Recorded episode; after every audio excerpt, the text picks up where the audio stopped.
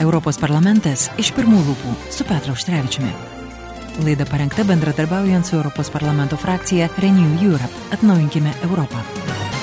Sveiki, bičiuliai, studijoje prie mikrofono Liudas Ramanauskas. Šiandien mes prisiminsime prabėgusį sekmadienį Bundestago rinkimus, kur socialdemokratai turės dabar 206 vietas, 196 vietas užims Krikščionių demokratų sąjunga, žaliai 118, na ir liberalai 92 vietas Bundestage. Na, o mūsų pašnekovas, europarlamentaras Petras Auštrevičius. Na kai, šiandien pakalbėkime apie tai, kas aktualu ir ko gero dėmesys Vokietijos parlamento rinkimams buvo ne vien tik todėl, jog Angelas Angelos Merkel epocha baigėsi, bet iš esmės tai stambiausia ES valstybė.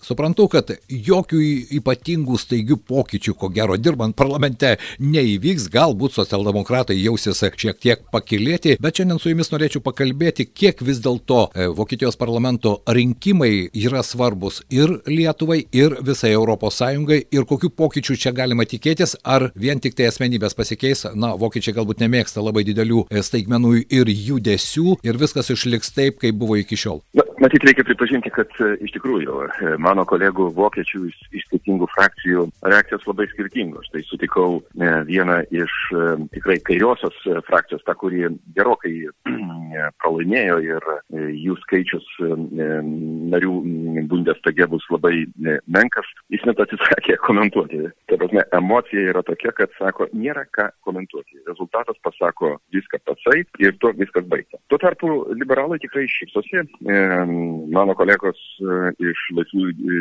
demokratų e, partijos jaučiasi gerai. Panašu, kad jiems pavyko kampanija ir tas augimas jų skaičiaus atspindi, aš sakyčiau, tokį visiškai gerą patenkinamą rezultatą.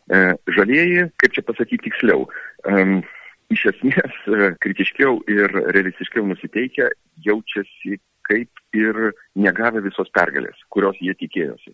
Nes reikia pasakyti, kad žalieji matyt tikėjosi, na, sakykime, tokios veršiančios iš, kojos, iš kojų pergalės, kad jie taps pagrindinė vos ne jėga susilygint su krikščionim demokratais ir sodemais ir štai darys iš karto visas pertvarkas pagal save. Taip neįvyko. Neįvyko dėl kelių priežasčių, tame tarpe ir e, jie turi ten tokį dualistinį e, dviejų asmenų valdymą, tai yra Roberto Haberko ir Analenos Boerk, tai ten nesuveikė pas juos kažkas, tai, e, tai vienu žodžiu, jie šypsosi, bet e, taip santūriai, kadangi jaučia, kad ne viskas padaryta. Na ir e, reikia pasakyti, kad krikščionys demokratai, tai suprantama, toks smūgis per štai pastaruosius dešimtmečius negali praeiti nepastebėtas. Socdemai, ką pasakyti, nugalėtojai, bet ta pergalė yra tokia labai trapi, neleidžianti pasijusti tikrais nugalėtojais, matyti. Ko mes laukime iš Vokietijos? Suprantamas dalykas, tie pagrindiniai sprendimai, kurie priimti Europoje, Vokietijos pirmininkavimo metu Vokietija, aš sakyčiau, elgėsi ganėtinai taip švelniai ir nenorėjo primesti savo kažkokių tai sprendimų, matyt, juto, kad keičiasi čia ir Angelos Merkel jau epocha eina į pabaigą ir visi kiti dalykai, tai jie nenorėjo po savęs palikti to, ko galbūt ir naujai Vokietijos valdžiai būtų sunku pritarti.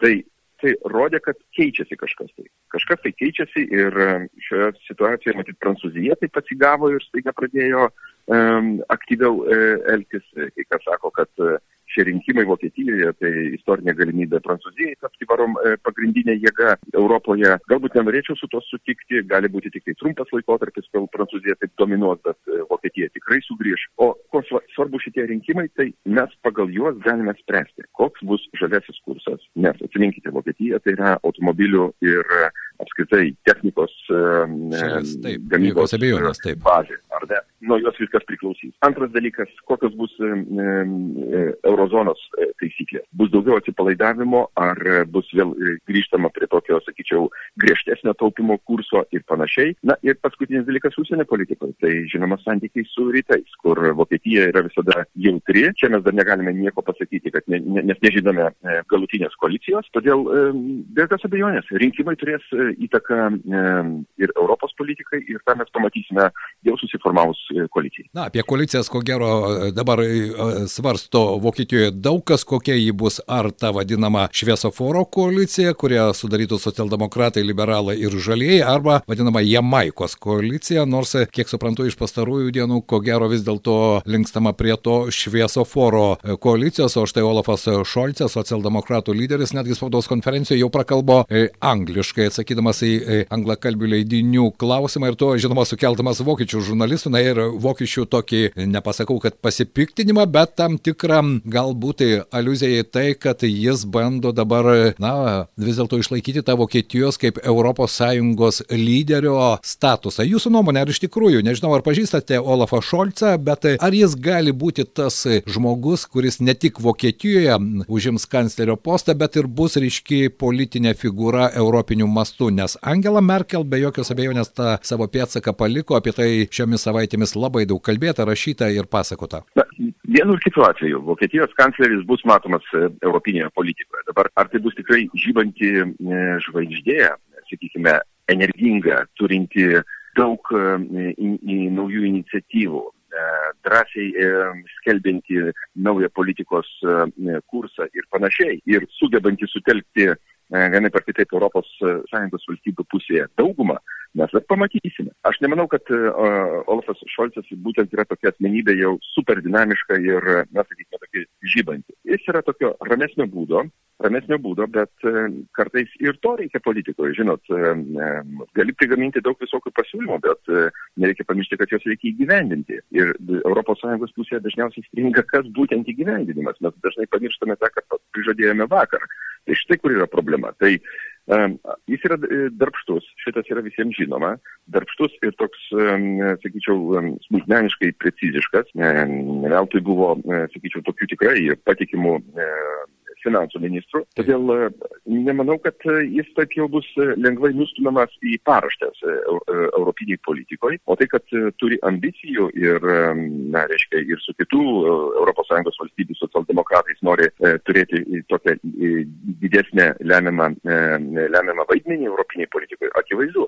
Europinė, aš dar noriu pabrėžti, politikoje stipriai konkuruoja ir konservatyvios, ir socialdemokratinės, ir liberaliosios, ir žaliosios politinės jėgos. Kiekvienas nori turėti savo žodį. Todėl aš manau, kad jo buvimas politikoje gali būti visiškai priimtinas ir ganėtinai įdomus. Socialinė ekologinė liberali koalicija, net kitaip galima būti apibūdinti. Žinoma, dabar sunku prognozuoti, ką tai atneš pačiai Vokietijai ir Europai, ir tame tarpe ir Lietuvai. Bet be jokios abejonės, Petrai, sutiksite, kad tas žaliasis kursas ar ne ir dėmesys ekologijai, jis, mano nuomonė, ne tik artimiausių metų, bet artimiausią dešimtmetį jis bus vienas iš aktualiausių klausimų, kurį kels ta pati pasaulio bendruomenė, tie patys jaunoji karta, kurie jau dabar apie tai kalba garsiai ir ko gero tai irgi bus vienas iš tokių probleminių taškų, kuriuos įveikti galima tik sutelktom pastangom. Kaip jums atrodo? Be jokios abejonės, liūdai, žiūrėkite, Europos Sąjunga ką tik tai išdalino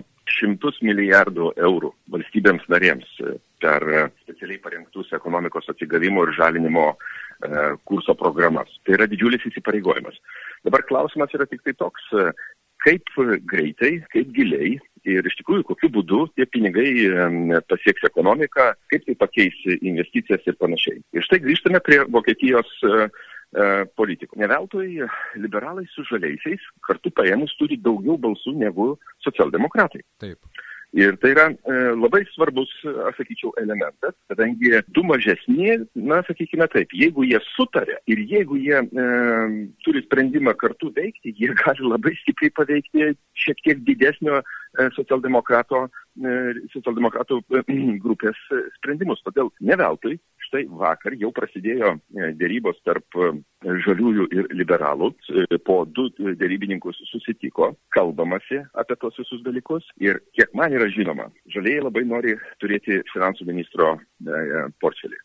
Kadangi jie yra įstikinę, kad štai kaip bus daromos investicijos, kas darys tą galutinį sprendimą, kur investuoti didžiulės viešasias lėšas, tai ir lems e, to žaliojo kurso perspektyvą. Iš esmės jie yra labai teisingi, e, teisingai mąstantis yra labai teisinga išvada. Dabar liberalams e, kas yra svarbu? Liberalams yra svarbu ir iš jų tikimasi ko?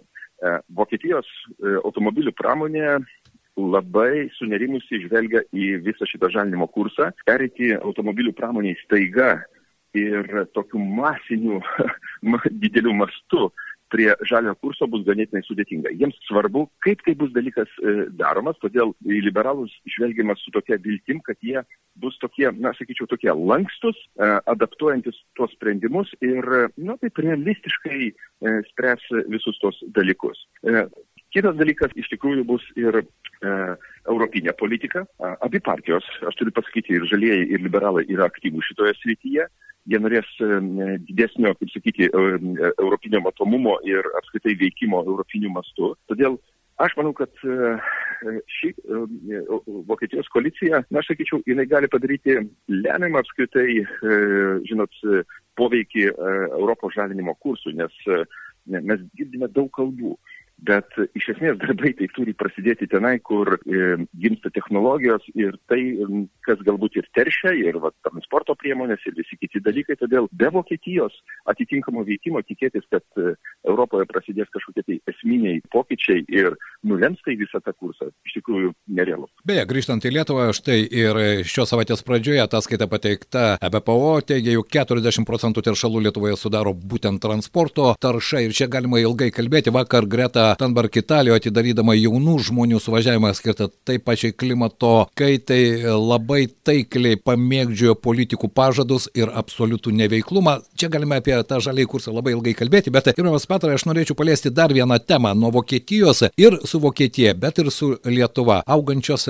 energetikos išteklių kainos, nafta perkopė 80 už barelį, elektros kainos kyla, dujų kainos taip pat, visi jau pradėjo skaičiuoti. Ir čia pat mes mes puikiai matome, kad vis dėlto tos radikalios jėgos, netgi toje pačioje Vokietijoje, dėja, šį kartą, kaip jie sako, nesurinko to visuomenės palaikymo, o iš kitos pusės dar vieni rinkimai, kurie įvyko prieš porą savaičių Rusijoje, tik parodė, kad energetika vis dėlto išlieka tas vėzdas, kurio mosuoja Vladimiras Putinas. Tai matyt, e, vėlgi grįžtume prie tos pačios temos. Kas yra įdomu, tarp kitko, e, pastaruoju laikotarpiu. Gal jūs pamenate, čia e, apie energetinį saugumą buvo labai aktyviai šnekama šnekama prieš e, gerus kokius, e, taip sakyčiau, 15-12 e, metų. Taip. Tada šita tema tapo nauja, visiems liktai dar nežinoma, bet galų gale išsiaiškinus supratome, kad energetika labai veikia politiką ir atskirų valstybių ir vyriausybių sprendimus ir žinom, kokiu, apie kokias valstybės mes kalbame. Tai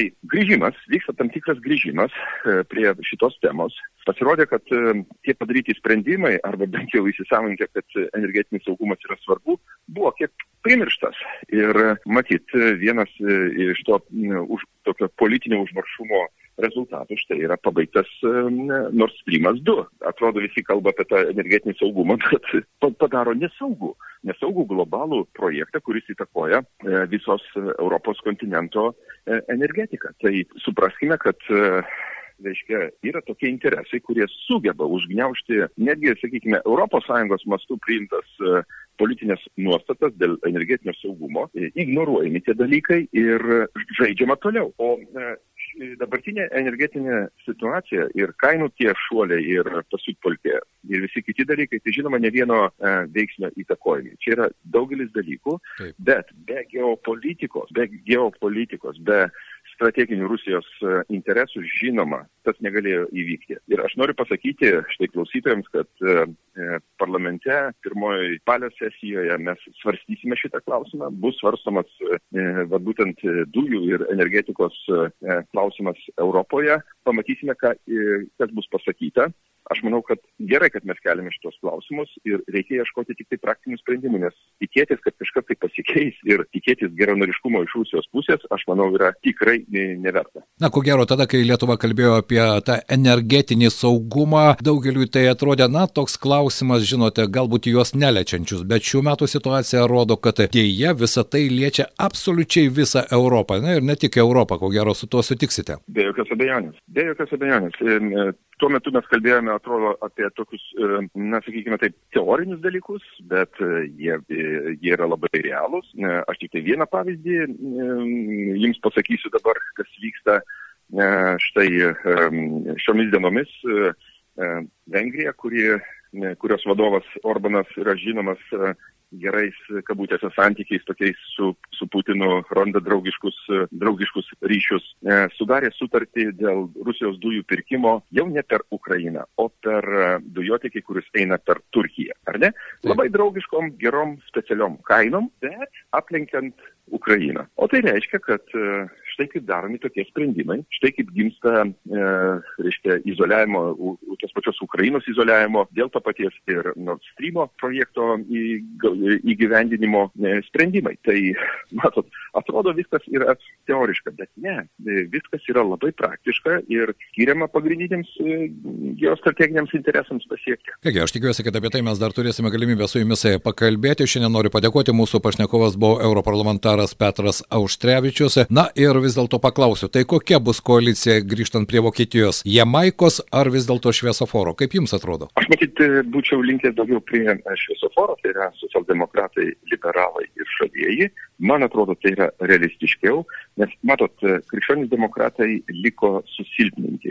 Jų vadovas, tarp kitko, vakar net vos išvengė tokio e, sukilimo viduje ir Taip. vos nebalsavimas buvo ruošiamas dėl pasitikėjimo juo. Tai kitaip tariant, ten yra rimtų dalykų, reikalų. E, kai nėra viduje ramybė, ramybės partijoje, tai žinot, galbūt ir nėra labai noro su jais e, kažką tai ir daryti. O šita šviesoforinė koalicija, man atrodo, visiškai visiškai reali. Ačiū Jums. Europos parlamentas iš pirmų lūpų su Petru Užtrevičiumi. Laida parengta bendradarbiaujant su Europos parlamento frakcija Renew Europe. Atnaujinkime Europą.